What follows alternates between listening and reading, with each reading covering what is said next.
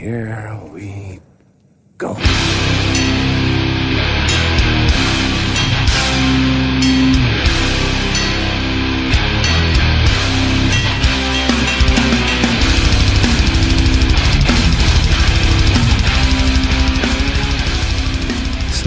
Det är inte söndag igen. Det är lördag idag när vi spelar in nere på noll avsnitt 90. 10 från 100. Jag är Robin Lindblad, sitter här med Daniel Nätterdal, Tja! David Olsson. Tja tja. Hur är läget? Tack, bra. Ja, Ja, fan svinbra. bra. Själv då? Bra här också. Var vaken till fem i morse, men med förekommen anledning Örebro Punkfest. Vadå, höll det på till... Vadå? nej, nej, men det blev sent ändå. Som det kan bli, även om ställena stänger. Ja, det var ju slut vid ett liksom. Men jävlar vilken turnout alltså. Eh, Ja, träffade, det var ju slutsålt va? ja, jag träffade någon som bara, men vi åkte sex pers från Göteborg över dagen. Man bara... Och själv bor man tre kilometer därifrån. Oh. Och inte går, Ja, nej. exakt. nej, det kom ju fram eh, fler än en person faktiskt. Och för det första eh, riktade väl eh, befogad kritik mot er två för att ni inte infann er i lokalen. Eh, frågade rakt ut om, har David verkligen lyssnat på Lastkaj 14? När han sitter och säger sånt där. Och det tredje då efterlyst eh, eh, t-shirtar. Eh, Okej. Så det är ju någonting att kolla upp. Eh, men eh, också gav bra feedback på på Kageland-intervjun som vi rullade ut i avsnitt 89. Det var ju fullt ställ i mejlkorgen också, får man säga. Ja, På. Facebook. Fan, jag är så jävla glad att Örebro Punkfest vart slutsåld så att man typ eh, var okej ändå att man inte gick och supportade ekonomiskt. Men tyvärr alltså, ti- tiden är knapp och det var ju alldeles för dåliga band för att man skulle, skulle klara av det där alltså. Man får ju skylla på det. Berätta lite om banden då. Eh, ja, det var ju eh, körsbärsfetterna eh, först. Eh, det var jävligt kompetent eh, punk liksom. Eh, jävla respons måste jag säga. Det var fullt i lokalen till första band. Det har väl typ aldrig hänt. Det var ju första gången jag var på Frimis efter ombyggnationen. Det var ju många som snackade om att oh, jag var här på Hatebreed för ett år sedan. Och redan då var förvånad över hur jävla, liksom, att den lokalen klarar av punkklientelet om man säger så då. Men eh, nej, det var, det var bra. Det var... Men det är eh, rätt bra lokal där. Ja, och Ja, inga... när jag har varit där har varit svinbra ljud. Ja, faktiskt. Och inga vakter heller liksom. Folk diva, folk sprang upp på scen liksom. Takkronor i taket och så vidare. Vad hade vi mer? Trubbel från Göteborg spela. Eh, körde den här sköna Mighty Mighty Boss Tones-grejen med att de hade två pers på scen som Åh. inte riktigt hade... Alltså, det, jag, är, det är väl deras grej, typ. Ja, Ja, någon dansare typ. jag gillar ju trubbel som fan. Ja. Det är ju fan nästan så att man vill bojkotta, för jag hatar det. Det blir så jävla studentikost. Ja, verkligen. De har paj, jävla hattpajsare med för korta shorts som ska stå och dansa. Ja. Säkert med en tamburin också. Ja, men exakt. Och Det är bara så slakta ett klockrent band. Jag är sjukt besviken när jag såg dem live. Det är roligt att du, du, har, ja, du har sett dem alltså. Ja. För du plockar ändå tamburinen. Det är en, en accessoar till som du har missat här, som ändå hör till. Alltså om vi plockar bort allt vad så här, Emil Lönneberga-kepsar heter, så är det en runt halsen-accessoar som ändå är staple i sådana sammanhang. Det är ju den här sjalen. Ja, jag, jag tänkte chansa på overall. Men, Brukar inte han vara bara över? Jo, exakt. Ja, men det får man ju. Ja, det får man ju abs- absolut vara, men fan, ta bort tamburinen. Helvete. Sen Subways då, eh, som... Eh, Sjukt att Travel spelar, spelar de som andra band. ja, Fan, man tänkte jag att de skulle headlina och såna här grejer. Ja, det märktes ju att eh, responsen, alltså det var ju nästan, det var ju uttunnat efter Trubbel när Ja. Subways lirade. Alltså, tråkigt. Ehm, och sen eh, last, Local heroes för fan. Ja, och eh, sen Lastkaj 14 då som var liksom sjukt, sjuk respons. Alla sjöng med. Och det var ändå så här, det var inte bara punks där liksom, utan det var ändå, Sverigedemokrater. ja men vad man, vad man tänker är liksom... eh, Gemene man. Eh, Jag har aldrig sett ett band få så jävla bra respons alltså. Det var helt sjukt. Och sen DLK då, som jag inte har någon större relation till. Alltså, Okej, där, där är jag fan beredd att, att backa, för DLK gillar jag faktiskt på riktigt. Ja. Skarpt. Ja, jag vet fan. Skönt att det är över, så man inte behöver ha den här ångestmolnet av dåligt samvete här för att man är en jävla banger.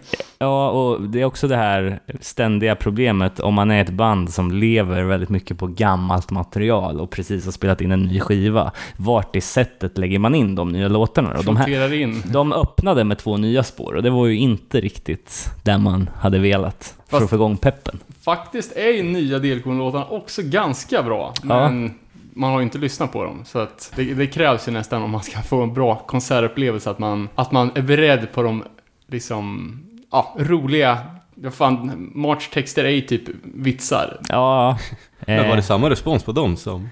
jag tyckte ändå Lastkaj var bäst respons alltså. Har inte de också släppt en ny skiva?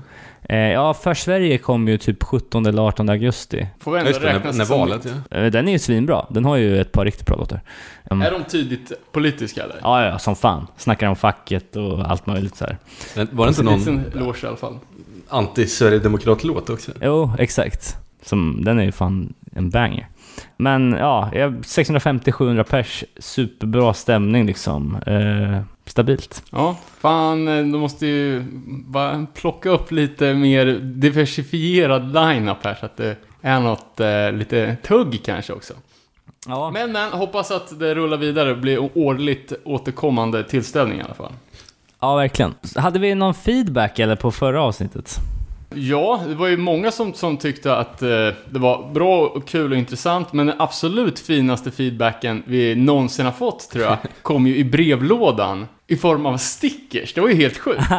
Keyyo har ju eh, trogen lyssnare som har på eget bevåg gjort stickers och postat till oss. Och det var lite kul också, för samma dag som de, eh, som vi fick reda på att de fanns, så hade vi redan lagt en egen order på stickers. Så nu ska vi ut och bomba stickers utan helvete. Och alla andra får ju feel free och bootlägga vad fan de vill. Ja, exakt. Kan skicka en högerplats-logga. Eh, sen fick vi ju även en eh, romanbok tillskickad. Eh, den tredje punkaren. Ja, alltså intressant. Vad är, vad är bakgrundshistorien på den?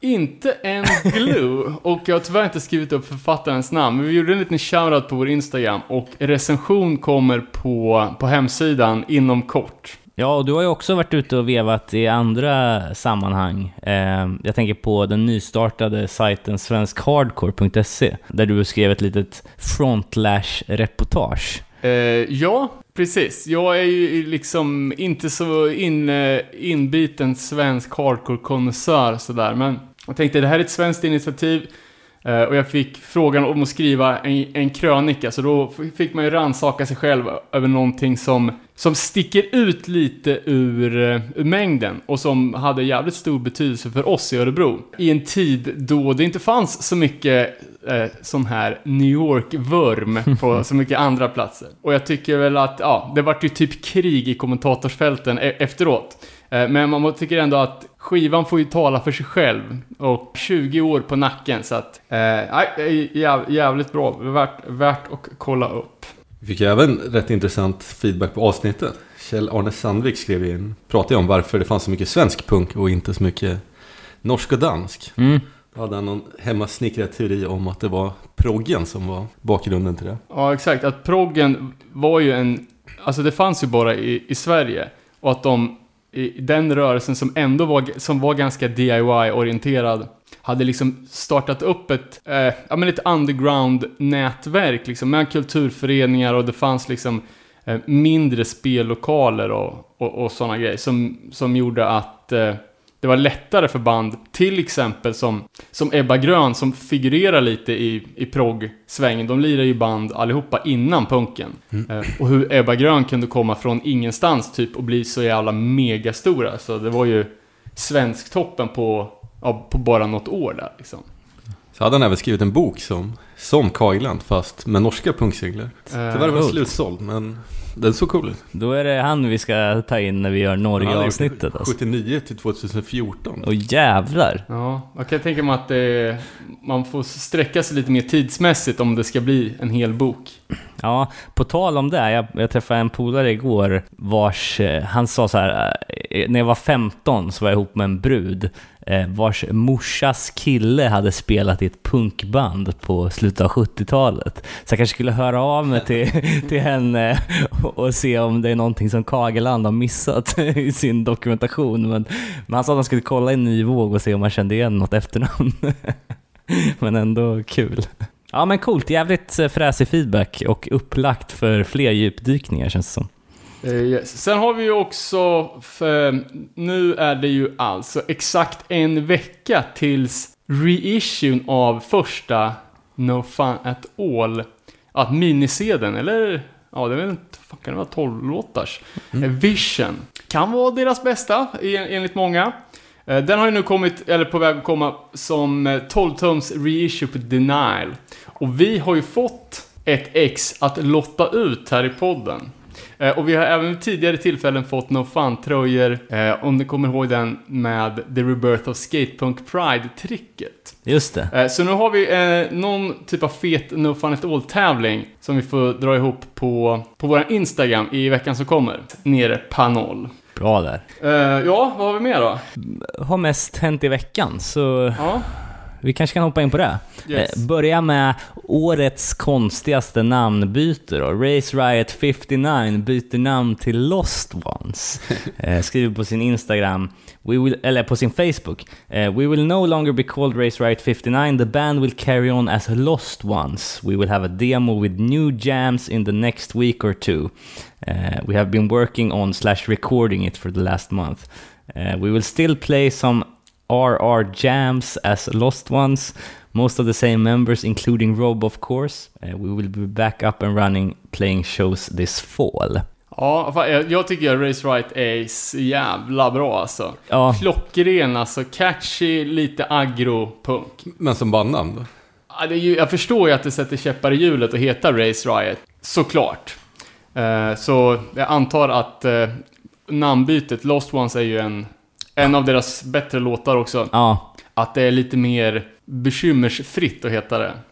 Eh, fett att de, är, att de har nya låtar på gång i alla fall. ja, verkligen.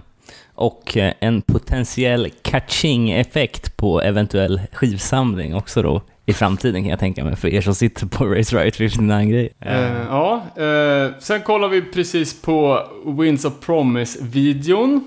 Eh, från nysläppta fullängdaren. Eh, med lite fioler och grejer. ja, värt att checka ut, det var coolt. Eh, sen såg jag även att nya Terrorplattan marknadsför nu som busshållplatsreklam i USA. Fan vad sjukt. Fan vad sjukt. Det är next level alltså. Eh, intressant är också att eh, det var någon som skrev till oss på Facebook och gjorde mig uppmärksam på detta. Winnie Pass lägger in någon slags interlude på senaste terrorplattan. Eh, rätt fattig, eh, fattigt flow i de raderna, men ändå. Men har inte de gjort en låt ihop innan också? På den där Lejon-sjuan? Ja, det kanske de har. Kommer fan inte ihåg. Eh, Men Winnie Pass han rockar ju alltid hardcore merch när han, när han kan. Nej, gi- gillar det. Eh, sen, så nu är jag osäker på, jag såg bara flimra förbi att, kommer ni ihåg de Torso, Torso med ön?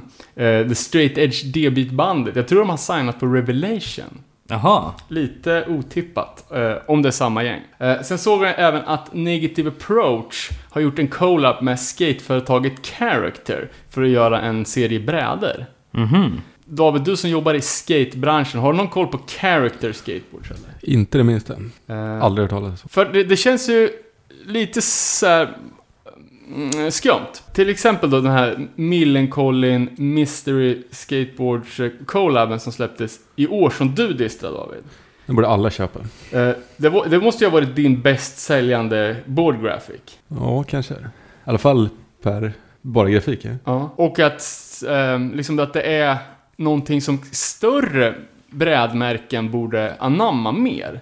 Santa Cruz har gjort Descendants-brädor. Det finns fan Black Flag-brädor också. Ja, det, det finns, alltså, Mike V gör dem, a- tror a- alla har ju någon typ av bräda ute, alltså vilket jävla skitband som helst. Eh, Men det är inte inget, ja, förutom den då, Descendants kanske, att det är lite dåligt från de absolut största brädmärkena. Jag är ju mycket för det här att make hardcore skate again. Ja. Den den härliga kopplingen liksom. Ja, vi får, får hoppas på mer sånt i, i framtiden. Nere på nollskate kanske? Ja, Ja, nu är exakt. hybrisen är total ja. Men faktum är att alltså, i, i dagsläget så är det så lätt att tillverka skates. Man, Och det går att göra i få antal. exakt, man kan ju typ Aha. beställas som om man, som man beställer en Stickers. stickers eller en penna liksom. Okej, okej. Eh, Det är inte alls lika, lika komplicerat. Och apropå göra olika, eller så här profilprodukter heter det väl. Eh, Om ni följer de eh, Lost and found bootlegs som börjar att göra såna här emaljpins för ett tag sedan. Aha. De släppte en ny drop då med, med grejer.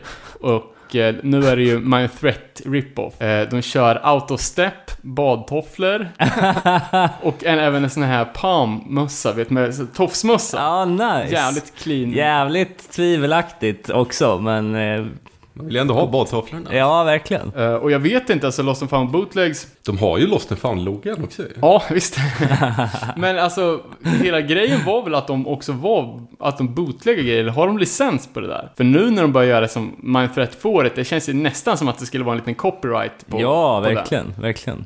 Men de, de gjorde väl aldrig, det är väl egna designer? Men ändå, använda folks logos och liksom, ja, jag vet fan. Men eh, det- är också eh, tacksam bransch att rippa. Jag menar, det är ju ingen punkare som någonsin skulle lawyer up och liksom...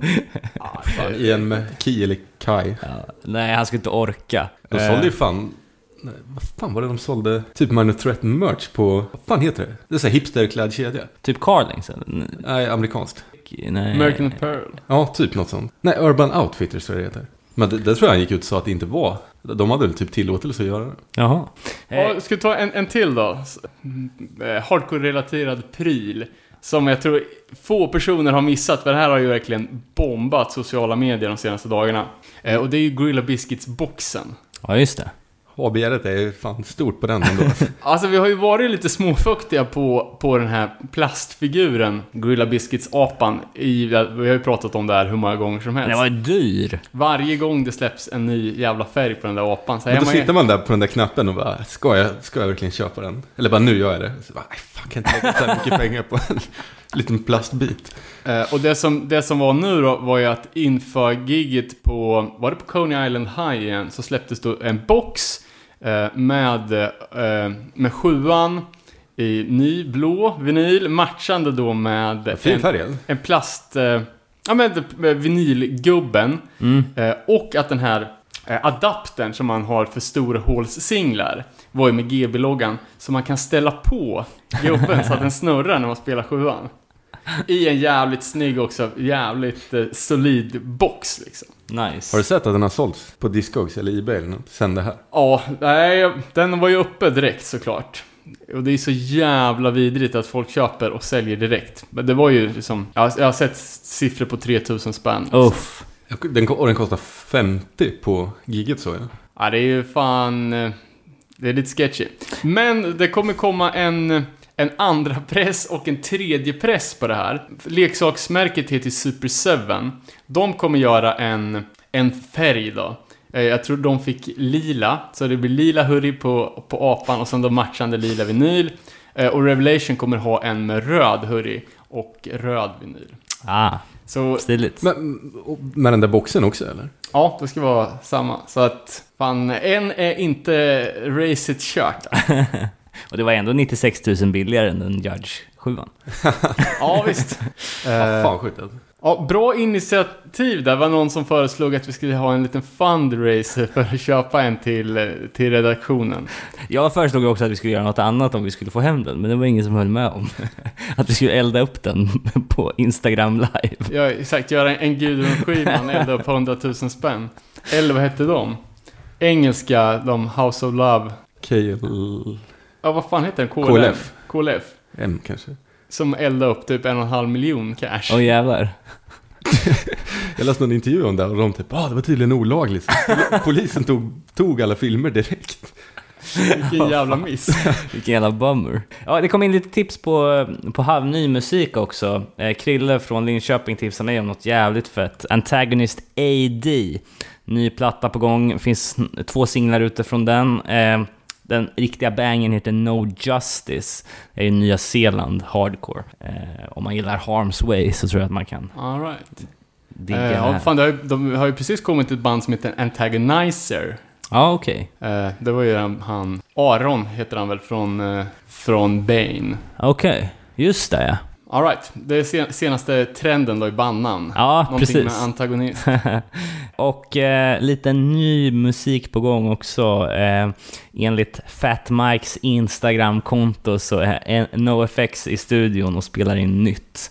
Eh, de släppte ju senast eh, liveplatta som heter Ribbed. Ja, just det. De gjorde den back-to-back live bara. Ja, Och när vi hade NoFX-specialen så hade de ju precis släppt en fullis. precis. Som var jävligt bra. Den, den, det var ju en riktig hit där som hette Generation C. Ja, en låt till som jag tyckte var jävligt bra på den skivan som jag inte kommer på namnet nu. Nej, man Hette kommer ju aldrig typ- tänka på den igen heller. Nej. Nej. Fan, man skulle ju ha dubbelt så långt liv som man har lyssnat på allt som är Jag potentiellt bra som man inte bara hinner med. Eh, annat nytt då, Integrity spelar in eh, eh, nytt Suck. också. Det var Dwid som la upp på Instagram tror jag. Sen eh, nya releaser då som är på gång. Dead Kennedys kommer släppa en tidigare outgiven demo som spelades in innan första plattan. What? Eh, nu ja. är det ju alltså inte Dead Kennedys, utan det är ju Klaus Fluoride, eh, East Bay Ray och eh, HD Plegro. Ja, ah, Eh, okej. Det är en jävligt stor skillnad. Ja. Är, är inte Yellow med, då räknas det inte. Eh, Den här ska i alla fall heta Iguana Studios Rehearsal Sessions.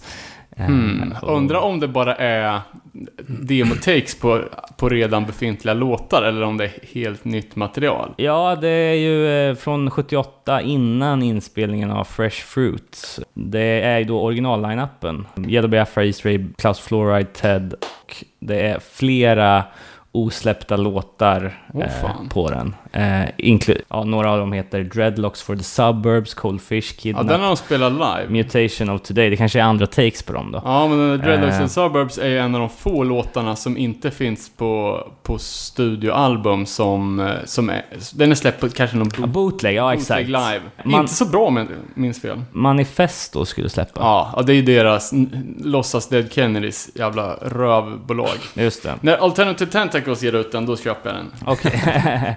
ja, sen eh, med anledning av din tröja då. Eh, Warzone kommer eh, reissua Open Your Eyes eh, via den Revelation. kommit Det kanske vi har snackat om. Åh, fy fan, det är så jävla tragiskt. Den kostar ju alltså 29 euro att köpa från, från eh, Cortex. Mm. Eh, sen är det en ny Hare Krishna eh, distro som börjar ta plats i Europa. Aha. Kommer inte, det är något jävla, ja du vet, eh, så här, mm, fan inte sanskrit, men något så här ord man inte kan läsa, så jag kommer inte ihåg vad distron heter. Men jag såg att de, eh, de verkar försöka ta över lite nu när Straight and Alert, som var Europas mest framträdande distro, har lagt ner. Där nere. Och de hade typ alla, så de, alla intressanta grejer.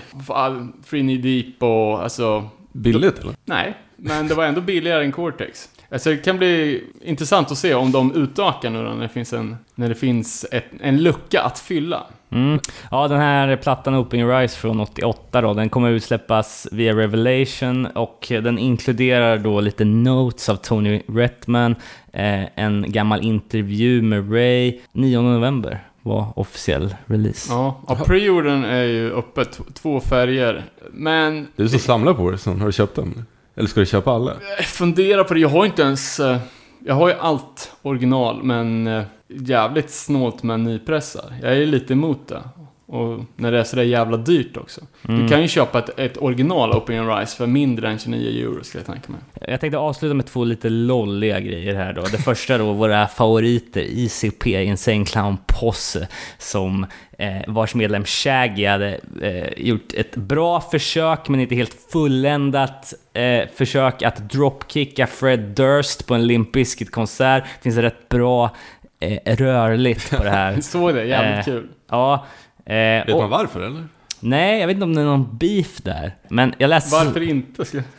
Jag läste så sent som igår att de hade träffats och att beefen var på väg att ta slut. Så att, ja. Ja. Fan, finns Limp Bizkit fortfarande? ja, för fan. Det, Fred Durst är ju rätt stor på Twitch. Den här tv-spelsgrejen. Eh, Fan, och så, jag trodde att han hade gått ner sig och blivit något. ja, nej, han...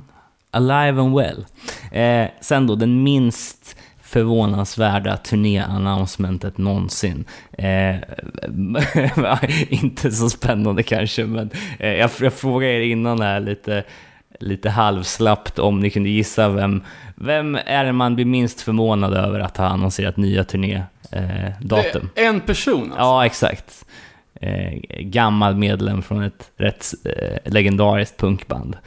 Eh, turnerar jämt. Turnera jämt. Spelat i Örebro ett par gånger. Jaha, någon jävla Ramone. Lennart Ramone. Richie Ramone. Ja, fuck, eh, kul på det personliga planet då. Eh, eh, bara snackat om eh, mitt gamla band Angry Youth.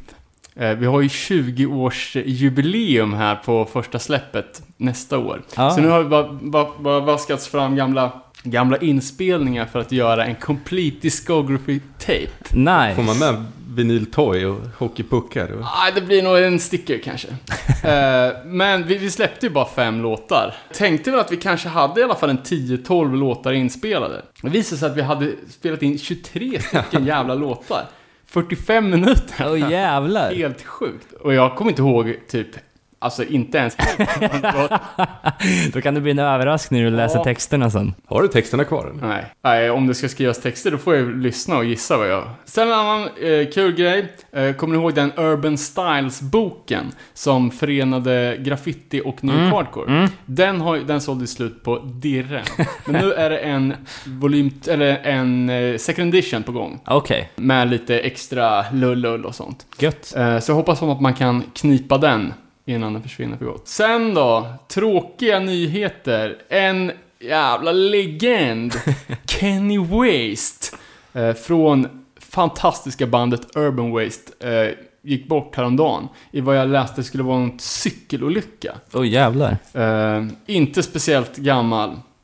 Och Urban Waste är ju ett så jävla klockrent band. De släppte ju, de var ju sjukt tidiga också. Ett av de första New York-banden att spela riktig hardcore. Eh, och den sjuan som heter Police Brutality. Det är ju 100% mästerverk. Alla låtar är kungliga. Och sången är ju Alltså den ligger precis på gränsen till att brista hela tiden och har en sån jävla känsla i pipan. Eh, fantastiskt, fantastiskt band. Och vi såg, vi snackade om det för inte så, så länge sedan att Urban Waste fortfarande var aktiva. Eh, och harva på i olika källare och squats och så här. Eh, och de har ju bara gjort eh, egentligen den sjuan och sen lite olika, ja, en, en som heter Recycled så tror jag var sjuan någon demo. Och sen gjorde de ingenting mer på då ja, 40 år eller vad fan det är, 35 år. Först de släppte någon sorts, eh, någon konstig fyrvägssplit med lite obskyra krustband typ. Okej. Eh, med två helt nya låtar då efter sinnessjukt långt uppehåll. Eh, dock med en annan sångare. Men eh, tragiskt. Jag Mm. tänkte jag sk- skulle avsluta eh, den här delen med att spela en eh, Urban Waste banger.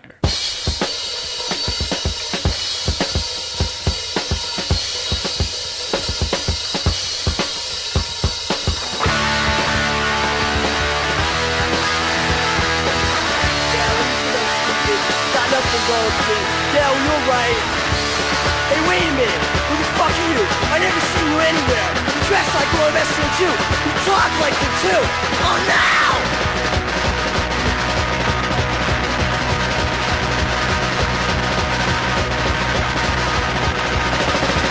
Oh, shit! You say I'm ignorant! Fuck you! You got no right to judge me! You think I can't think myself! Fuck you! My mind's clear, yours is least my mind! Lots of yours! I'm getting free! Not through science ways!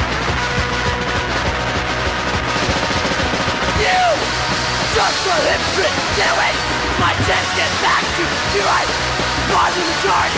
Fuck you! I see right through you! All your snares being drilled into my head! I'm the fucking world! That's perfectly thing!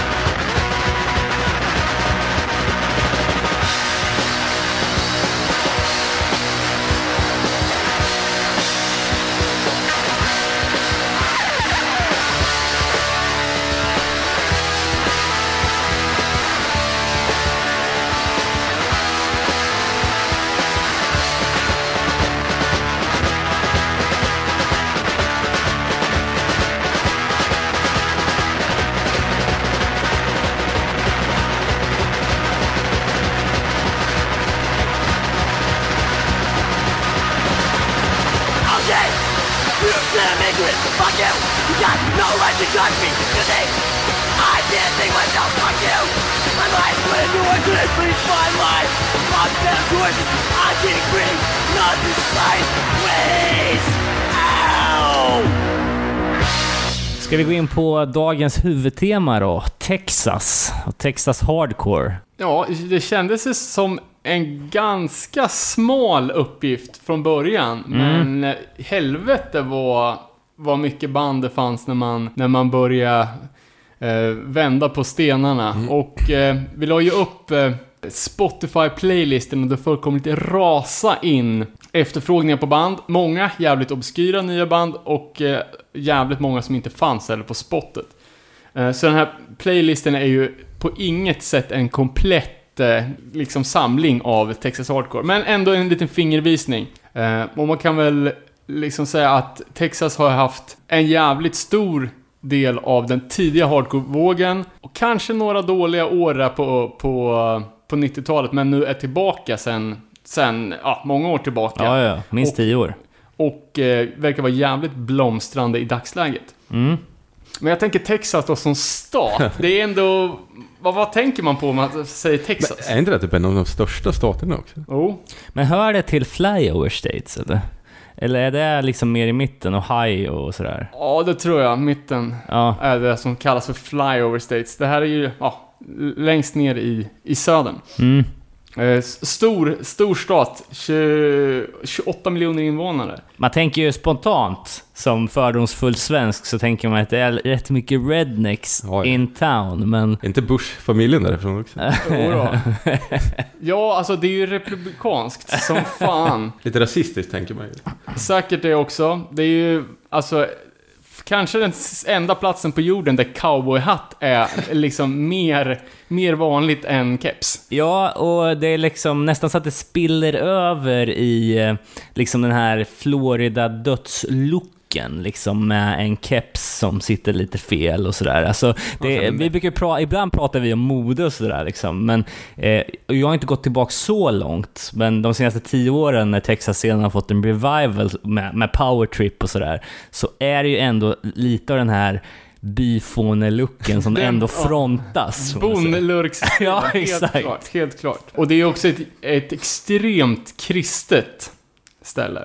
Eh, Jag läste att det är bara, det är bara 4% av Texas befolkning som claimar en annan religion än kristendomen. Det måste ju vara någon typ av botten. Ja, verkligen. Eh, intressant detalj också att eh, Texas på 1800-talet under nio år var en självständig nation. Oh jävlar. Vi la ju upp den kanske lite eh, kontroversiella låten med Pride Kills där, som handlar om att de vill, ja, de sjunger om Texas-scenen, men också att de vill ha, de avslutar med We should be our own country. Just det. Var det This is Texas eller? Nej, Nej, ja, för det är ju en jävla anthem från samma band också. Alltså Ja. för själva så här, This is Texas. Jo men de, de är ju, de är, verkar ju vara jävligt lokalpatriotiska Ja. och Låten heter ju Love it or leave it. Och det är ju eh, kanske det, det, det vi skämtar mest om privat men, när det gäller USA. Men om det originatar från Texas, då, vet, då, då har man ju en viss idé om vad det handlar om. Jo, ja men det är många, vi, vi kollar ju på de emo, de som heter Ivy League. Heter ju också Ivy League TX. Ja. Eh, Pride, nej, eh, eh, Die Young la ju till TX. Eh, och det är ju många, många skivor som, eh, som har ja, men, eh, så här, lokalpatriotiska titlar liksom. Ja, Sen en detalj också som du kanske gillar Robin. Att Texas är uppdelat i typ 260 någonting eh, counties, eller grevskap. Och i sju av dem så är det ju totalt alkoholförbud. det får inte säljas sprit på krogen och man kan inte köpa alkohol i affären. shit. Ja. Eh, sen är det ju såklart föga, föga eh, förvånande extremt stora klassklyftor. Eh, och som en liten följd på det då, så är det ju också 100% lagligt att skjuta någon som är inne på ens tomt. Men vad är de största städerna nu? Eh, Houston? Ja, ja, jag kommer inte ihåg nu. Det är ju, El Paso, ligger det i Texas? ja det gör det väl också, men det är ju Austin och Houston. Den ena är ju Nations Capital och, eller vad, statshuvudstaden och den andra är den största. Kommer inte ihåg vilken som är vilken. Eh, och även Dallas. Just det. Eh, och Dallas ligger ju ehm, ligger ju uppe, typ mitten höger och är ju helt, det är ju en eh, demokratisk county då. Aha. Och det är ju helt omhällat liksom, som en liten, liten, liten ö. I ett superrött... Ja, nu blir det lite förvirrat eftersom rött är ju Republikanernas. Mm. Så det ligger verkligen som en liten ö mitt i smeten. Liksom. Demokraterna har ju vissa fästen och det är ju de stora, stora städerna. Sen är det ju republikanskt så det bara sjunger om det. ja, punken då. Eh, eller kanske ska jag säga hardcore-punken. Först ut, vad jag vet, tremannaband från Austin som heter Hates. De släppte en sjua redan 79, eh, No Talk in the 80s. Eh, och det här är ju en av fyra sjuor som klassas som eh, amerikansk hardcore från 70-talet. Kan ni nämna de andra tre? Nervous Breakdown, California Uber Alice och Out of Vogue med Middle Class. Och då Hates. Eh, ett band som man, jag i alla fall, inte har haft någon riktig koll på. Aldrig hört talas om. Eh, Men sjuan är ju svinbra. Eh, Och de har släppt massa andra grejer. Eh, Det verkar som att de hade ett litet break och kickade igång där igen på, på tidigt 90-tal. Och då släppte de två fullängder som bara kom ut på kassett. Men jag vet inte fan, jag har inte, jag har inte lyssnat sönder det här, men det, det låter jävligt bra. Men en låt på... Men är det lika rare som Nervous Breakdown? Nej, det är det inte. Eh, men är ju naggande... Jag tror första pressen ligger på 1800 spänn om man vill ha den.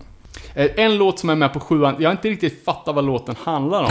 men de- den heter All the Whites Are Going Negro. Som sagt, jag är inte... eh, Och refrängen går typ Why, why, why?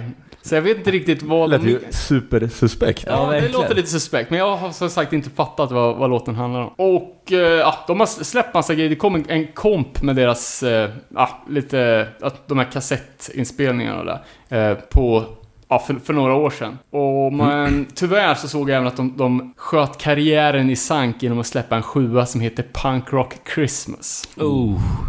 Big no-no.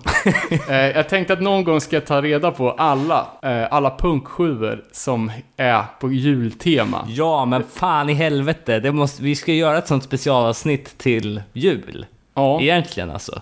Det för måste vi få in tips om. det finns ju hur många som helst, tyvärr. Eh, ett annat band då, som, som man vill gilla men som inte är alltid så jävla bra. Eh, det var ju också ett band som, som folk eh, önskade in på våran playlist. Och det är Big Boys. Eh, Eh, också från Austin, ett av de första banden de var redan, redan 79, lirade de hardcore. Och de verkar ha varit jävligt drivande i, i Austin-scenen som blev typ den största punkstaden i Texas på den tiden. Men är inte Austin någon typ av musikstad också? Mycket möjligt. Jag, jag tror det. Känns som att Jill Johnson är där och förpestar för jämnan. Sitter på någon veranda. Eh, Men de är ju mer coola än bra, för det mesta de har gjort är ju tyvärr skit. De blandar ju liksom in ganska friskt med funk. Eh, Och vissa säger ju att det var de som uppfann den här funk metal-grejen. Som till exempel Davids favoritband, Red Hot Chili Peppers. Ja. Obs-skämt. Obs-skämt. Som de liksom gjorde till sin grej. Eh, Och Red Hot gick ju under namnet Little Big Boys i början. Mm. För att de var typ ett rip-off-band. Värt att nämna. Jävligt svårt för den här funk-grejen alltså. Ja, jag gillar Red Hot alltså. Men, Eh, men ja, Big Boys, de var ju liksom... De var mer hardcore i det avseendet, alltså om man jämför med punken, att eh, de hade liksom etiken och att de var mycket för all ages. Eh, den amerikanska punken liksom var ju mer, alltså kommersiellt flörtande. Så även om Big Boys inte, kanske inte alltid låter hardcore, så var det ändå det hardcore-idealen jävligt starkt förknippat med bandet. Eh, och de var ju också jävligt, jävligt inne på skate. Eh, de posade med, med brädor på, på ja, typ alla deras promofoton. Eh, Och de hade e- till och med ett eget skateboardmärke.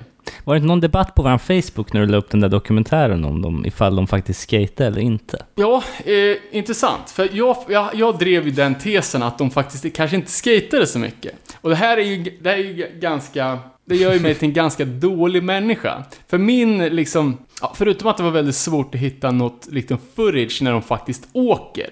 Så är de, ja, vad ska man säga, de är inte, de är inte direkt pinsmala. Vilket nästan, alltså är man 18 bast och skata på riktigt, det är nästan omöjligt, du vet, med den unges metabolism och att man typ rör på sig hela jävla tiden. Det är nästan omöjligt att vara lite knubbig. Men Winnie gjorde ju oss uppmärksamma på Facebook att eh, det senaste avsnittet av Jeff Grossos Love Letters to Skateboard tar upp Big Boys bland annat. Mm. Så jag vet fan, alltså man behöver absolut inte vara bra på att skata och man behöver inte skata jämt. Men det som är lite att, det här är lite en liten, ja, vi som har jobbat i skateboardbranschen, att om man ska ha ett eget skateboardmärke är ribban ganska hög för att man måste, alltså typ i vår generation så var det liksom, ska du jobba i industrin, kunna komma undan med med att kalla det för skater, då var 360-flippen nästan ett obligatorium. Det var det jag frågade. Det jag frågade var, ja, skater han? Självklart. Skater hon? Ja, ja. Kan de tre-flip? Det är liksom, eller motsvarig, Det är nog ett motsvarande... rätt svårt trick ju. Ja, men det är där industristandardgränsen går. Eller motsvarande svårighetsgrad på trick om man då kör böj. Men jag hörde ju någon Peter-dokumentär för inte alls så länge sedan om att det gick att komma ganska långt i skatebranschen utan att kunna skata. Går det gör det ju såklart. Vad, vad, vad tänker du på då? Nej, jag skojar bara. Jaha, du tänkte på Borlänge-ligan? Jag vet fan, och då, så mer av den här liksom pastellfärgade skate-rocken än eh, kanske det klassiska hardcore-looken. Eh, de var ganska, ganska tydliga med det att liksom, för oss är punken att man gör sin egen grej. Men vad pratar vi om för år här nu då? Ja, de började 79 och de var ju aktiva eh, jävligt länge. Men Ja. det blir bara sämre och sämre.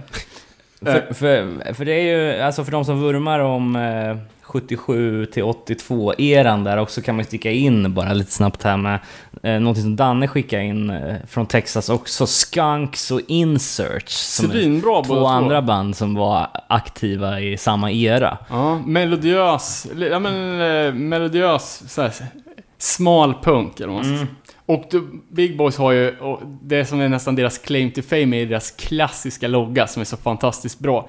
Eh, och det är ju eh, ett anarki-A, men den här eh, vågräta strecket liksom är då en skateboard istället. Eh, och sist vi snackade om Big Boys, eh, det var ju i Beef-avsnittet. Det är ju ett av, en av hardcore-branschens kanske mest omtalade beefs, och det är den mellan Bad Brains och Big Boys. Eh, som bottnar någonstans i knarkuppgörelse och homofobi. Och storyn, jag vet inte, nu har jag läst lite olika takes på det här, men att eh, Big Boys och Bad Brains, och jag tror även MDC, lirade i Texas tillsammans. Och att det blev tjafs och att Bad Brains drog därifrån och snodde med sig massa gräs eh, och avslutade med att kalla sångaren då eh, eh, Randy Biscuits Turner för, ja men typ en jävla bög. Eh, och eh, Biscuits själv säger, han var ju liksom öppet, men han gjorde aldrig någon stor sak av det liksom. I intervjuer så säger han alltid bara att min sexualitet är en viktig grej, alltså. Det är 5% av mitt liv. Frå- Fråga om något annat. Men ändå liksom, ja, hur det här, liksom, Bad Brains då som nyfrälsta rastafaris liksom hade sin, sin ingrodda homofobi som de, som de liksom aldrig riktigt har fått, fått stå till svars för. Eh, Och jag har ju läst många takes på det liksom att eh, Bad Brains tyckte att, att Big Boys var frat boys, alltså college dude bros, antar jag. Och att, att de inte kunde ta ett skämt, typ. Ish.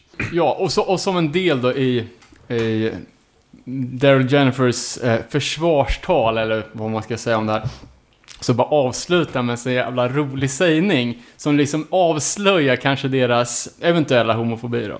Eh, och det här var ju då en gliring mot MDC. Dels att, ja men han, han säger liksom att vi, Bad Brains var ju typ gudarna i hardcore på den tiden. Och de fick, det här, det här sa jag, det var inte hans citat. Men äh, bara, vi fick, eh, det var många som, som ville hänga med oss och som ville liksom typ spela våran, ja, typ våran stil.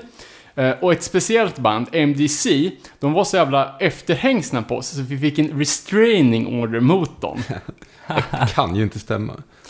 Och sen så säger han, ja, alltså han avslutar bara, uh, so we got, we got a rest- restraining order on them. That's how, that's how much they were up our asses. Eh, not literally, no. Figuratively. Eh, och den här beefen då eh, resulterade i, i Big Boys-låten Brickwall. Men bara så en liten detalj som jag uppfattade när jag lyssnade på Brickwall här nu. Låten öppnar med Are you crazy Duendo? Och det är precis samma sak som de säger i den här SOA-låten. Okej. Eh, och Wendell är ju en, eh, en bandmedlem i SOA. Ja. Spelar även med Iron Cross. Så jag vet inte om det är någon slaggning mot eh, det gänget också. Ja, För de var ju, de tidiga DC-banden var ju också sjukt tajta med, med Bad Brains. Bara så här liten, liten intressant. Ja. Finns det någon mer beef bakom det här? Skriv in till oss om ni vet. Eh, och Randy Turner dog tyvärr i eh, hepatit C-komplikationer här för eh, 2005. Och övriga bandet verkar vara typ så här, konstnärsfolk nu som fortfarande lirar i band och som skapar, ja men alla som har sett Big Boys omslag vet att de är så här, flummig konst liksom. Om eh, Biscuit Turner då, eh, trots att han inte gjorde en stor grej av att vara gay, så, så körde han ju ofta med smink och, och damkläder.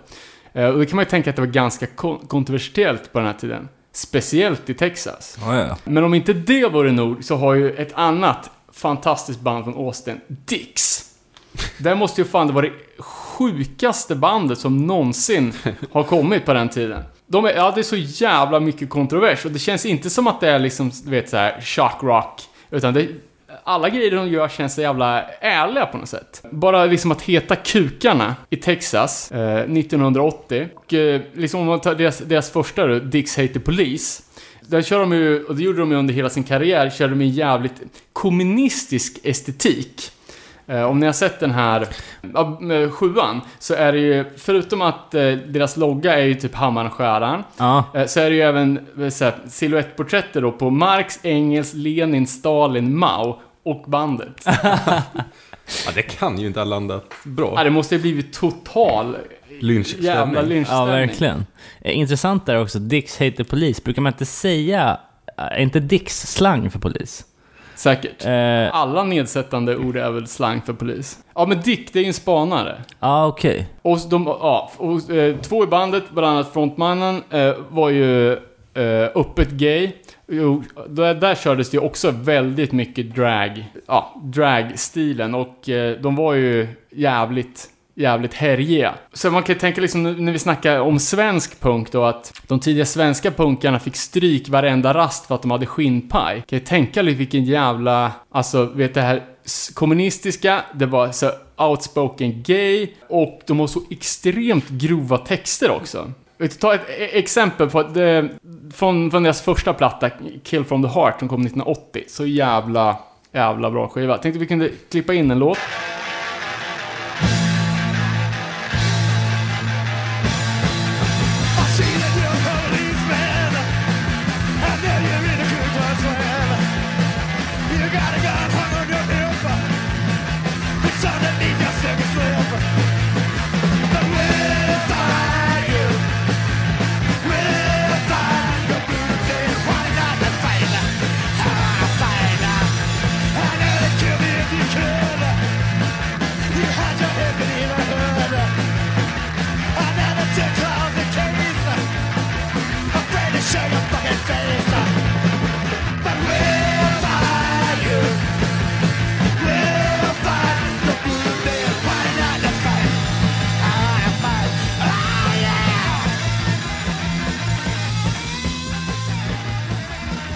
Det var Anti-Clan, eh, första spåret på Kill from the Heart. Fantastisk låt.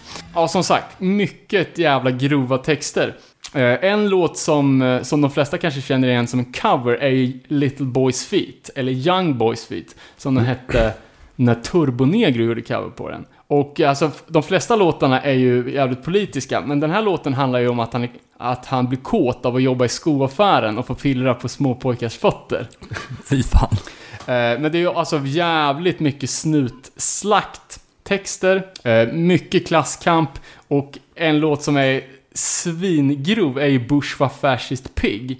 Eh, citatet då. I wanna see you on your knees begging, I wanna see your little kids beheaded. Eh, you got a gun, I got a knife, you motherfucker, I'm gonna take your life. Bush var pig, you fucking pig, you're gonna fucking die.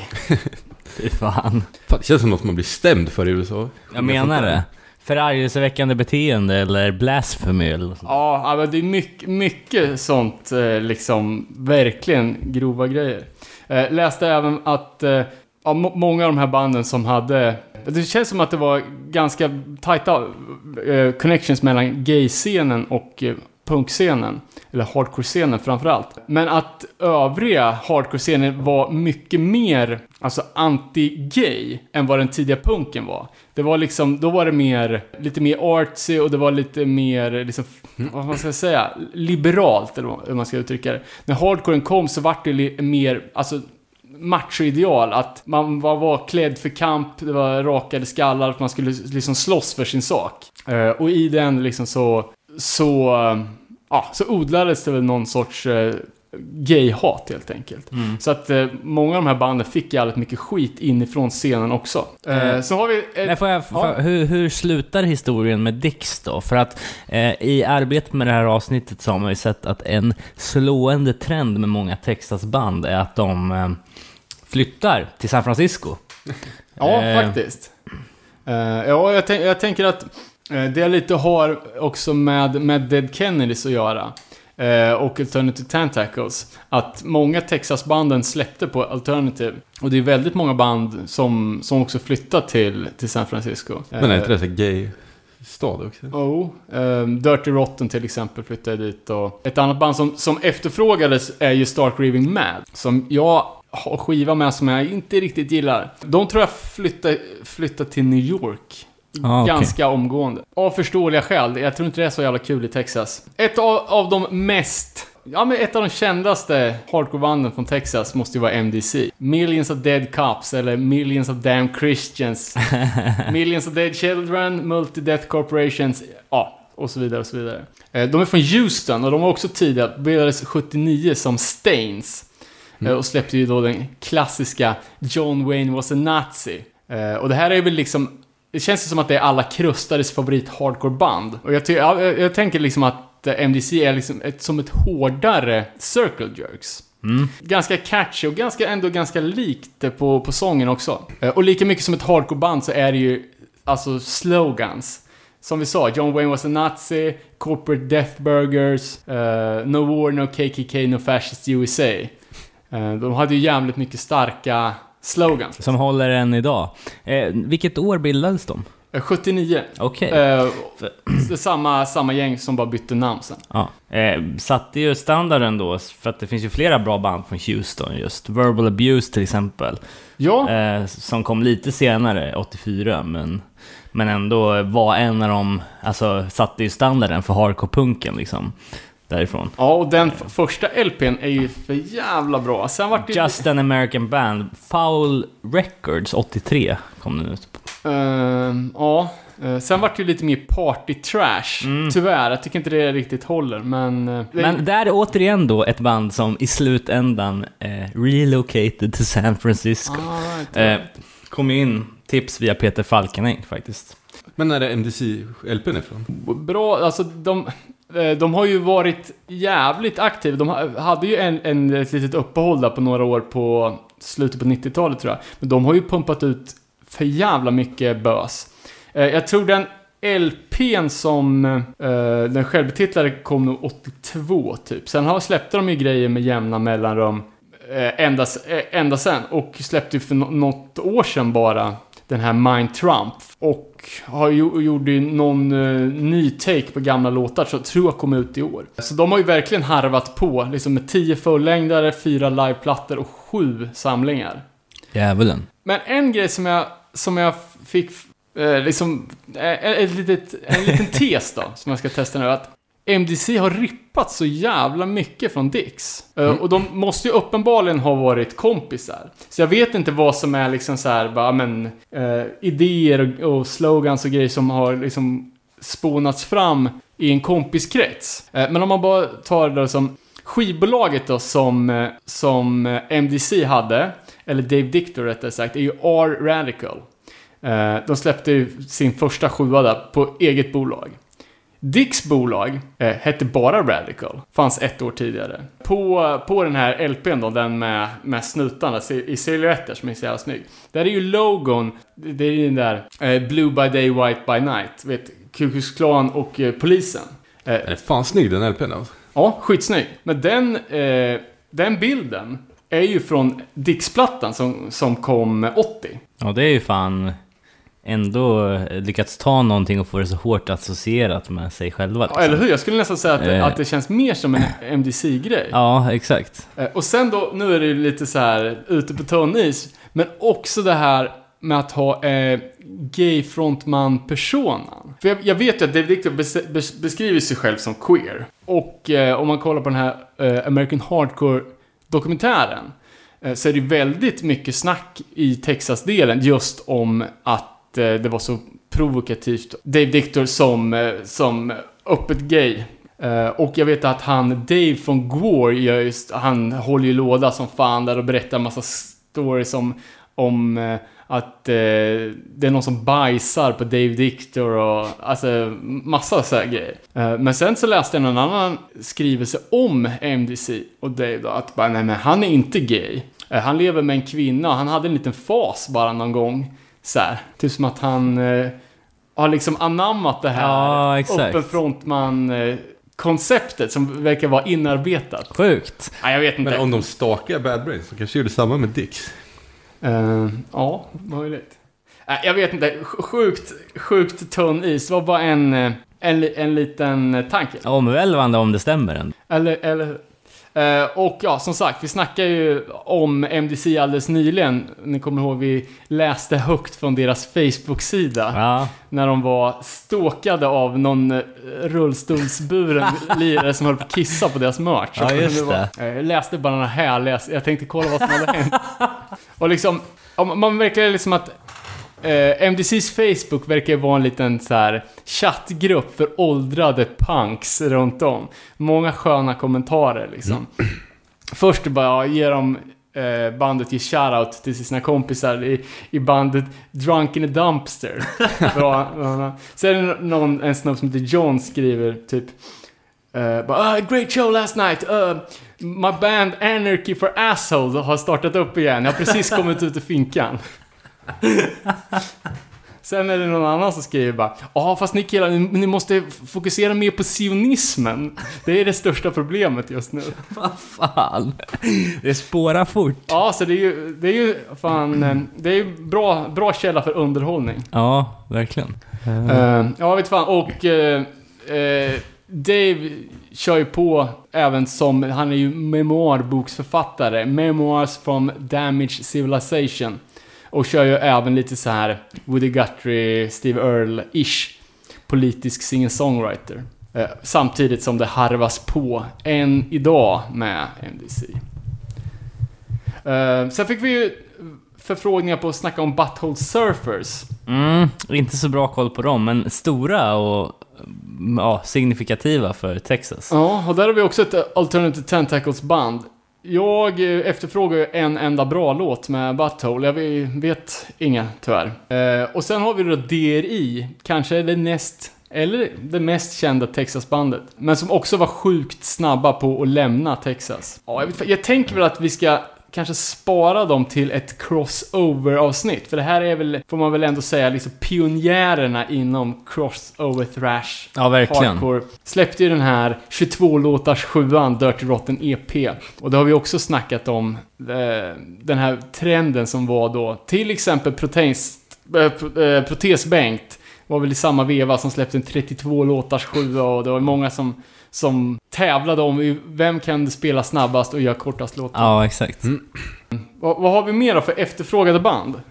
Ja, eh, jag vet inte om man ska gå i någon speciell ordning här, men eh, om man tänker band som ändå har slagit igenom stort i Sverige eh, på senare år. Eh, Young, som vi nämnde, eh, är ju ett sånt band som har släppt sjukt mycket. Ja, Eh, splittat med Confronto till exempel.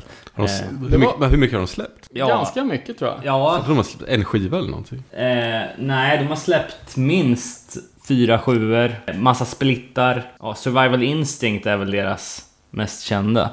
Eh, Jag vet inte, de var ju ett av de tidiga banden i den liksom moderna vågen av Texas Hardcore. Jag är aldrig lite för noisigt för min, för min smak. men det blev ju superhype i Sverige med tanke på att de spelar här så jävla mycket. Alright. Eh, de spelar ju typ Stockholm varannan dag kändes det som.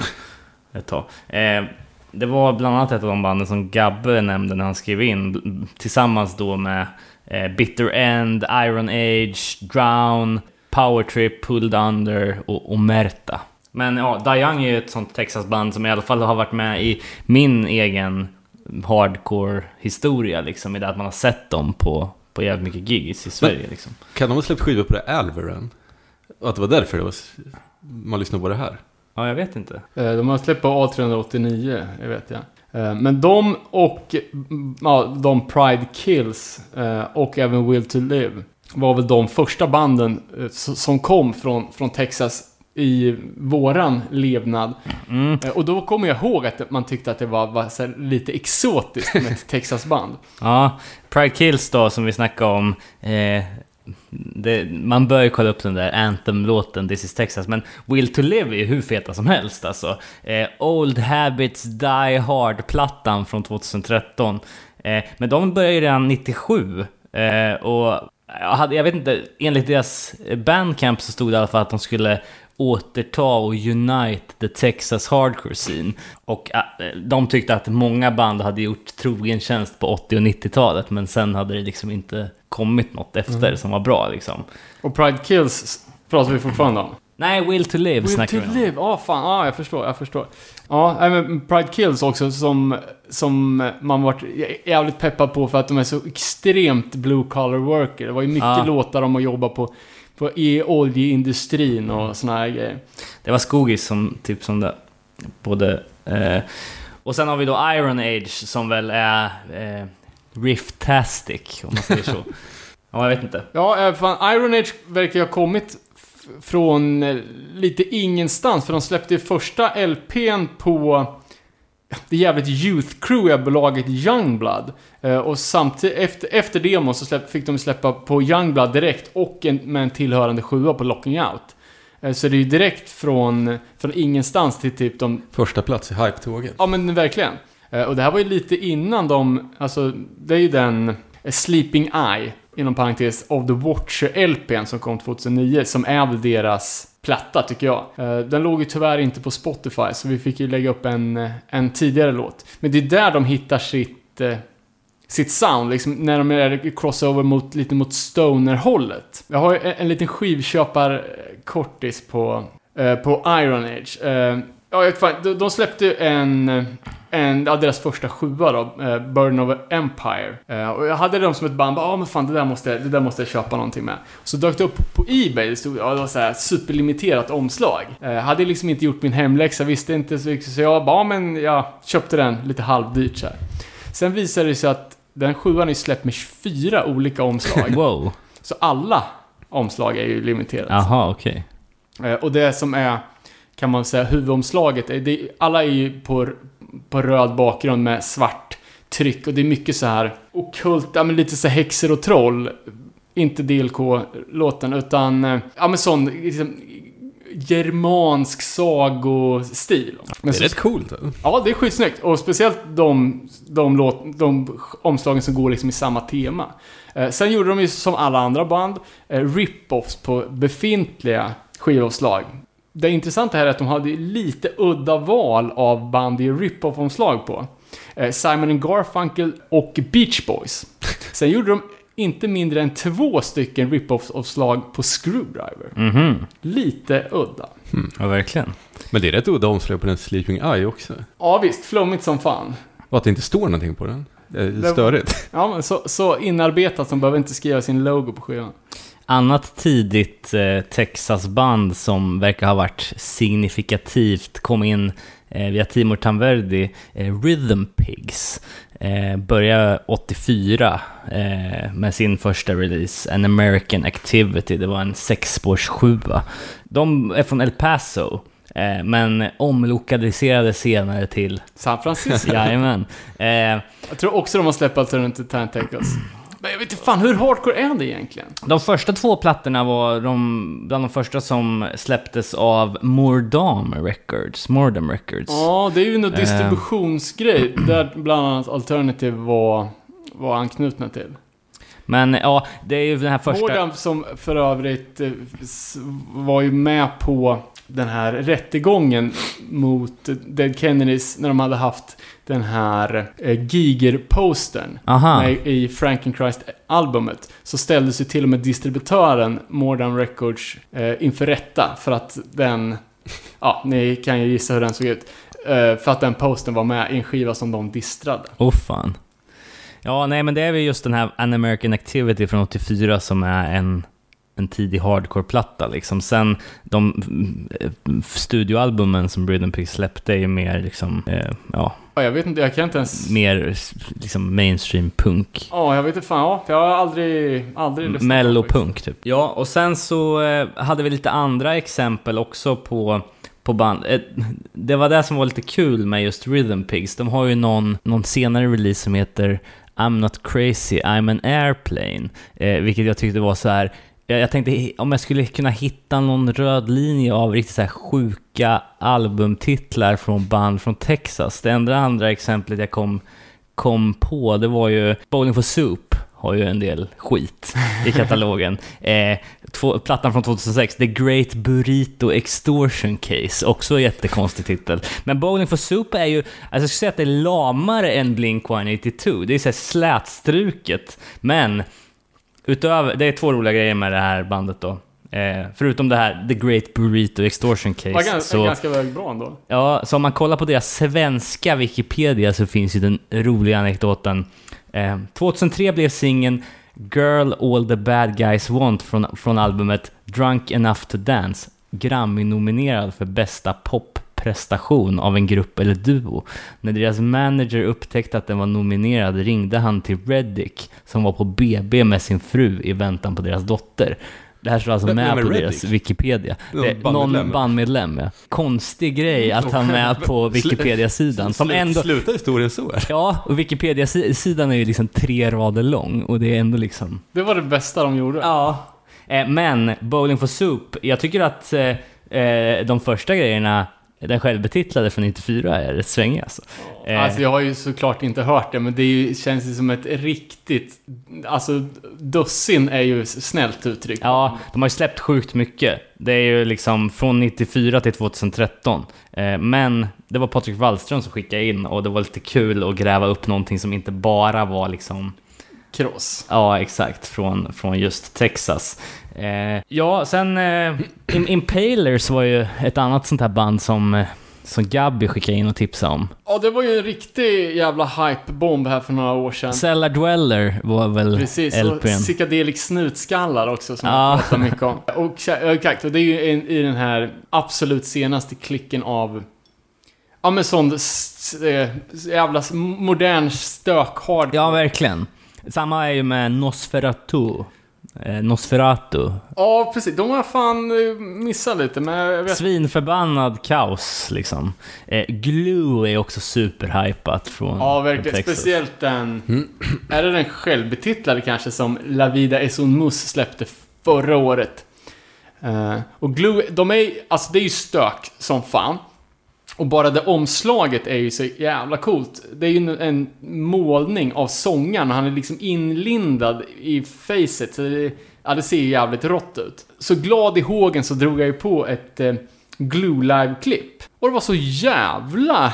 Alltså, inte vad man förväntar sig. Mhm. Man trodde att han, han sångaren då skulle vara helt jävla galen. Men han ser som...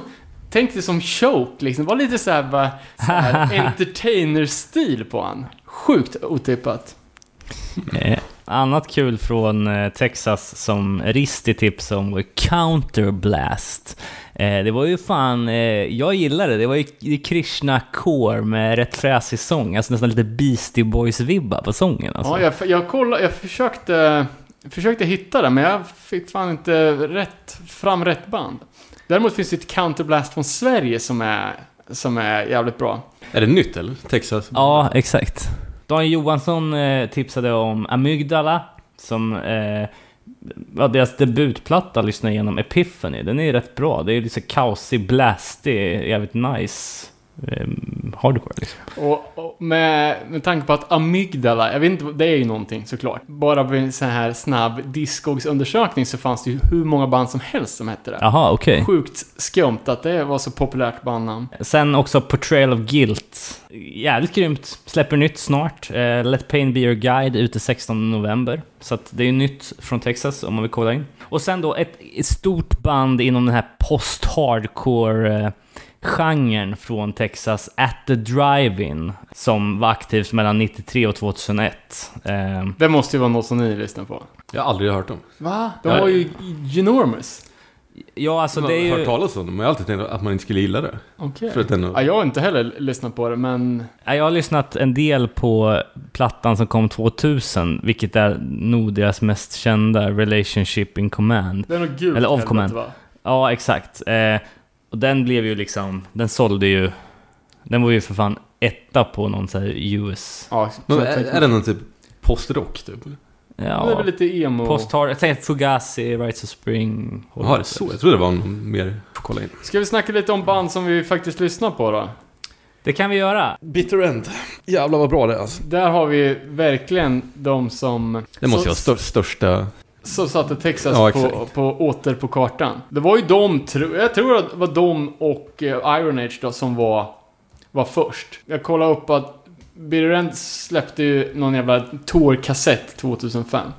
Men eh, efter, eh, vad heter det, Mining Chains 7 som smög lite förbi min radar. Inte för att den är dålig, bara för att den var... Det låter jävligt mycket No Warning tycker jag. Ja, eh, den, den kom ju ut på Malfunction Records som, som senare gick ihop med Death Wish om jag inte minns fel. Som var ja, jävligt solid hardcore-label, men den stora bangen kom ju med albumet... Climate of Fear. Jag har typ tänkt på det som en klassiker. Men det är kanske bara jag som har lyssnat mycket på det. Ja, men jag skulle fan nästan säga det också. Semi-klassiker i alla fall. För den eran, alltså, nu har jag inte 100% när, när den kom, men 2007. det känns ju som att den nästan var uppe där i Illblood Ja, men, ja eller hur? Skolan. Typ. Ja, det är ett band som verkligen har hållit formen. Vad fan, eh, vi hypade sönder Illusions of Dominance för några år sedan. När den kom. Power and Control. Ja, nej men jag, jag tror också att vi hade den tesen redan då att tyvärr Bitter End-tåget gick efter Cli- Climate of Fear. Ja, jag Fast håller, en Guilty jag håller as är ju med. jävligt bra också. Exakt. Alltså absolut i att de senare grejerna också är jävligt bra. Eh, men den allmänna rushen verkar ha lagt sig lite. Ja, lite kanske. kanske. Men även där då jävligt stilfulla omslag på skivorna och... Eh, Ja, men snygga. ja. Man har ju alltid tänkt på dem som jävligt politiska. Har inte du gjort det? Mm, nej, jag har inte Och- tänkt på dem som någonting egentligen. Nej, för jag läste texterna och det är ju typ inte politiskt. Jag har alltid tänkt, du vet, climate of fear och att det skulle vara någon sån grej typ. Men det var ju typ noll sånt. Vad fan, vad handlar låtarna om då? Nu kommer jag... Men det är mycket så här, du vet, så här, samhällsproblem typ. Lite omskrivet. Ja, men precis. Att det inte är sakfrågor utan lite mer så här. Twisted lies of typ sånt. Men jag tycker nog att Bitter End är det bästa hardcorebandet från Texas. Eh, personligen. Alltså jag hittar samma glädje i dem som jag hittar i liksom... Ja men, alltså...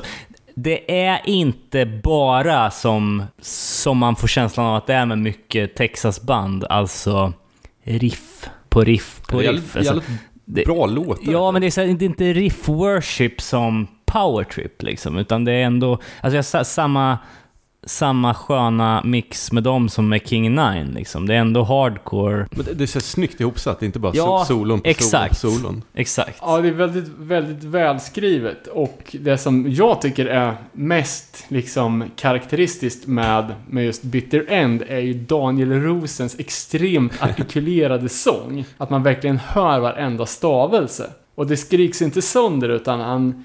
Ja, det- är liksom som, som om han skulle jobba som talboksuppläsare till vardags. Han var ju rätt biffig också. Ja, och det gjorde de ju en ganska stor grej av. Ända tills Harm's Way kom och Utbiffa honom. Hur gjorde, hur gjorde de en stor grej av det? han har väl bar över i alla Jo, jo, men jag menar, hade ni något personligt exempel från när ni kanske såg dem någon gång och det hände något? Hur hårt ska jag behöva lägga upp det här för att du ska fatta? Jag fattar fortfarande inte vad du menar. Nej, att, att han eh, innan gig låg och gjorde armhävningar. ja, exakt. När vi såg dem i Danmark för ett tag sedan. Men det verkar vara han och en gitarrist som är, är bandet typ. Jag läste någon intervju att de hade haft över 50 medlemmar. Jävlar. Det är ju stört. Det är fan helt sjukt. Och sen har vi våran ärkeknyffel från Philadelphia, Ethan Rice, som lirar trummor. Nej men det är ju jävligt band, äh, jävligt bra band, men jag, jag är nog rädd att... De håller på fortfarande så. Jag tänkte typ att de hade lagt ner. Ja, ja exakt. Det är ganska, ganska illa, illavarslande spaning om man tror att bandet har lagt ner fast de fortfarande lirar. Men vi såg bara på den Climate of Fear som kom i 13 pressar. Eh, olika varianter i fyra pressar tror jag det var. Och uppföljningsplattan när de ändå hade, hade steppat upp från Six Feet Under till gigantiska Death, Death Wish. Eh, att plattan kom ju bara i en enda pressning, sen var det inget mer med det. Det kan man respektera, men samhället har ju fel, för jag tycker att den Guilty as Charge är fan nästan bättre. Fast Climate är mer... Det är mycket, mycket bättre ljud på, på Guilty. Eh, ja, eh, jag skulle vilja gå vidare till ett annat band då som, eh, som satte Texas återigen på kartan. Eh, lite, de, I alla fall de senaste tio åren skulle jag säga att det är ett av de mest betydelsefulla banden. Eh, och det är ju Power Trip. Eh, Föga ovan, eh, oväntat. Ja, alltså det var ju, även om eh, Leeway kanske var eh, först ut med att spela crossover trash, så var det väl ändå Power Trip som för min generation och många andra liksom återtog genren och återpopulariserade den liksom. Alltså jag menar, hur många riffband dök inte upp efter första Power Trip-plattan liksom? Nej, det är ju Eh. ett antal. Ja, Och fan, det är ju verkligen, för demon kom ju 2008, så det är ju verkligen 10 år sedan. Det känns ju som ett nytt band. ja. Typ. Eh, men eh, formade i Dallas, Texas 2008. Eh, och det är en crossover trash och hardcore liksom. Och eh, deras första eh, platta, deras första fullis kom 2013. Det var Southern Lord. Eh, det är väl också hemmet för... Alla. Ja, men jag tänker på våra svenska Gust. Ligger väl där. Martyrdöd Ja. och lite sådana. Och Southern Lord pratar vi ju ganska mycket om i Seattle-avsnittet. Det är ju Greg Anderson från Brotherhood, etc. Executas bolag. Och de är ju jävligt Är inte stora. det stort? Ja? Det, det känns som att de är stora. Eller också är de jävligt bra på att verka stora. Eh, och det var ju då Manifest Decimation som, eh, som var först ut där. Ja, i- övrigt, de har släppt, eh, de släppte en EP 2009. Jag vet inte om det var efter demon. Armageddon Eh, Blues va? Ja, exakt. Eh, och sen även en självbetitlad EP 2011 som heter Power Trip. Eh, Ja, just det. Den har jag fan inte. Du måste styra. Fan, känns som de har släppt hur mycket som helst, men det De har inte, inte gjort- inte så mycket. nej, De har, ju, de har ju den goda smaken att inte släppa så in i helvete mycket. Fullisen kom ju ut 11 juni 2013 eh, och det var Southern Lord. Sen följdes ju den upp förra året med Nightmare Logic i början av Just det. 2017. Eh, de har ju spelat ett antal gånger i Sverige. Vi var ju såg dem eh, i juni 2016 i Göteborg. Ni såg dem. Jag sov ju i Ja bilen. just ja, du sov i bilen Ja, ja. jag såg tre låtar. eh, Power Trip, Lowest Creature, Hammer och Waste. Och det känns ju som att eh, bara kort därefter så, så tog det fart ordentligt. De återvände ju förra året som support till Trivium bland annat. Eller Trivium säger man Ja, väl. ja, som är hur stora som helst. Eh, så det tror jag ju- anledning till att de har släppt så pass lite är ju att de har turnerat något så för jävligt. Men är Power Trip en tribute till den gamla Monster Magnet-plattan? Eller? Jag vet faktiskt inte. Jag är för dåligt insatt i Monster Magnet, men jag vet att det finns hardcore-folk i bandet. Eh, Är det någon sån här motorcykelrock typ? ja, typ. Fan, Men- jag läste på Machine Head någonting. För eh, jag läste lite intervjuer med Bitter End. De pratar ju om Machine Head varenda intervju. Typ. Okej. Men det, det kan ju inte- låta som Bitter End antar jag. Har du inte lyssnat på Machine Head? Nej, aldrig. Eh, Jag har alltid tänkt att det var någon sån här jävla Limp Bizkit-piss typ. Va? Fan. Jag, jag, jag har också lyssnat väldigt selektivt på... Vad fan kan den heta? Heta LPn Burn My Eyes kanske?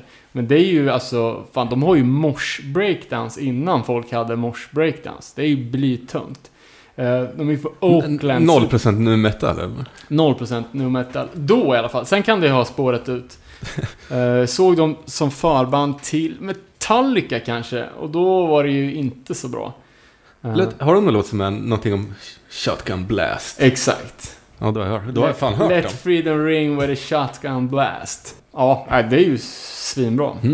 Eh, bara ett eh, powertrip eh, bara efter eh, den eh, senaste plattan som eh, kom förra året, eh, Nightmare Logic, så eh, det blev ett jävla uppsving och det tydligaste exemplet på det då är ju, och, något smutsigt kanske, men ni vet att på på olika sportevenemang så dyker det ibland upp en sån här kisscam, du vet, när man, Mm. man snurrar ut i publiken. Aha, och sen okej. så zoomar in på två, ja, ger varandra en puss typ.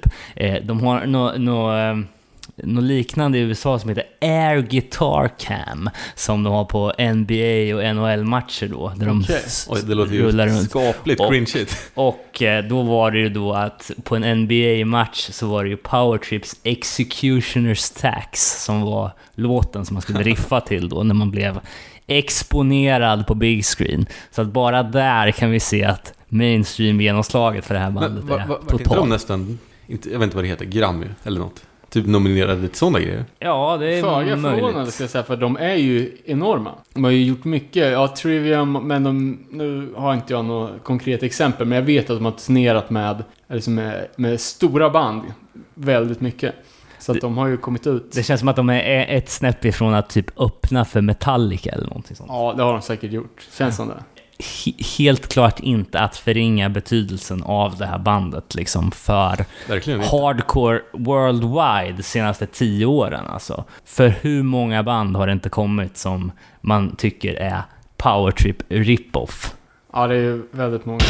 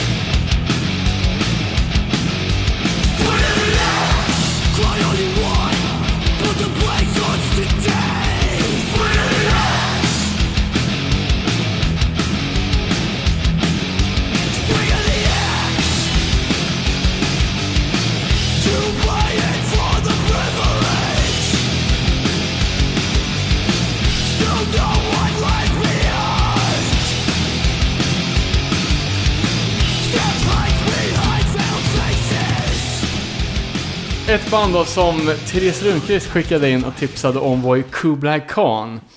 Gött ändå. Tunga som fan! Eh, jag har ju inte riktigt velat kolla upp dem, för att jag, jag tycker det finns bara plats för ett Khan-band i hardcore, och det är ju förstås Sherry Khan. Cherry Khan, precis. Men det här var ju hårt som fan. Eh, känns som att de är stora va? Ja, för fan. Det är ju... Eh, de dyker upp på lite såna här stora turnépaket lite då och då. Typ, tänk dig de här Impericon så paketen liksom. Ja, Jag tyckte, tyckte eh, det var nice och eh, de såg ut och var nicea människor också. Trots eventuellt eh, suspekt umgänge med Impericon-crewet. Släppte plattan Nomad förra året. Värt att kolla upp. Tack för tipset. Ett band då, avslutningsvis. Sen tror inte jag har så mycket. Vi har ju, märker jag nu, missat en jävla massa. eh, Concrete Elite, Oj-bandet, eller eh, vad fan, vad har vi, har vi mer? Offenders, Mm. eh, som vi har nämnt någon gång. Det var väl Snitting som tipsade oss sist vi pratade om Texas. Eh, och även de Strutter som vi hade med på årets bästa skivomslag för något år sedan. Eh, Men ett band då från Texas som jag tror jag är ganska ensam om att gilla. Men som jag tycker är så för jävla bra. Och det här var lite game changer för mig. För jag har alltid varit stenhård eh, motståndare. Eller antagonist, om man vill använda populära uttryck.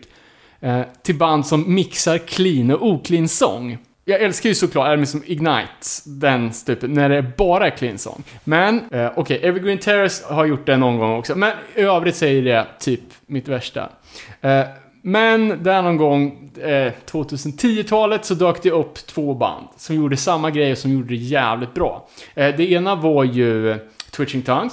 Eh, Och det andra bandet var ju Texas-sprungna Hardside. De har släppt lite prylar, men det är framförallt Time is Punishment från 2012 som jag tycker är så jävla nice. Eh, I min värld, när man, när man bedömer allting i eh, hur, ja, men hur skivor pressas och hur rare saker och ting är, eh, så verkar Hardside inte gå hem. Jag kollade upp deras senaste platta, det var totalt 10 personer som hade den på wantlist. Eh, vilket är alltså obefintligt intresse. Eh, de har släppt på Beatdown Hardware. Yes. Kan vara, kan vara någonting där som skaver. Fan, jag, jag tänkte bara att vi kunde gå ut på en eh, Hardside-låt. Hoppas att någon, någon fler som hakar på tåget. För att jag tycker de är svinbra. Ja, fan det är ju ett sånt där band som du har nämnt förut, som man själv aldrig har tagit tid att kolla upp, men Ja, men jag, har, jag har ju mina band som jag krigar för. Det är ju Hardside kanske, och Pigboy och lite annat som inte... Insight. Ja, exakt. Det, verkligen. uh, Nej, men ja, fan. Texas. Ja, fan vad kul! Och som vanligt så får ni härja på oss på Nere på Noll på Facebook och håll utkik på våran Instagram då, när vi kommer köra någon form av No Fun At All Bonanza med en skiva i potten. Och en t-shirt. Och en t-shirt, det blir fett. Tack Eh, för att ni lyssnar. tack så mycket, vi hörs!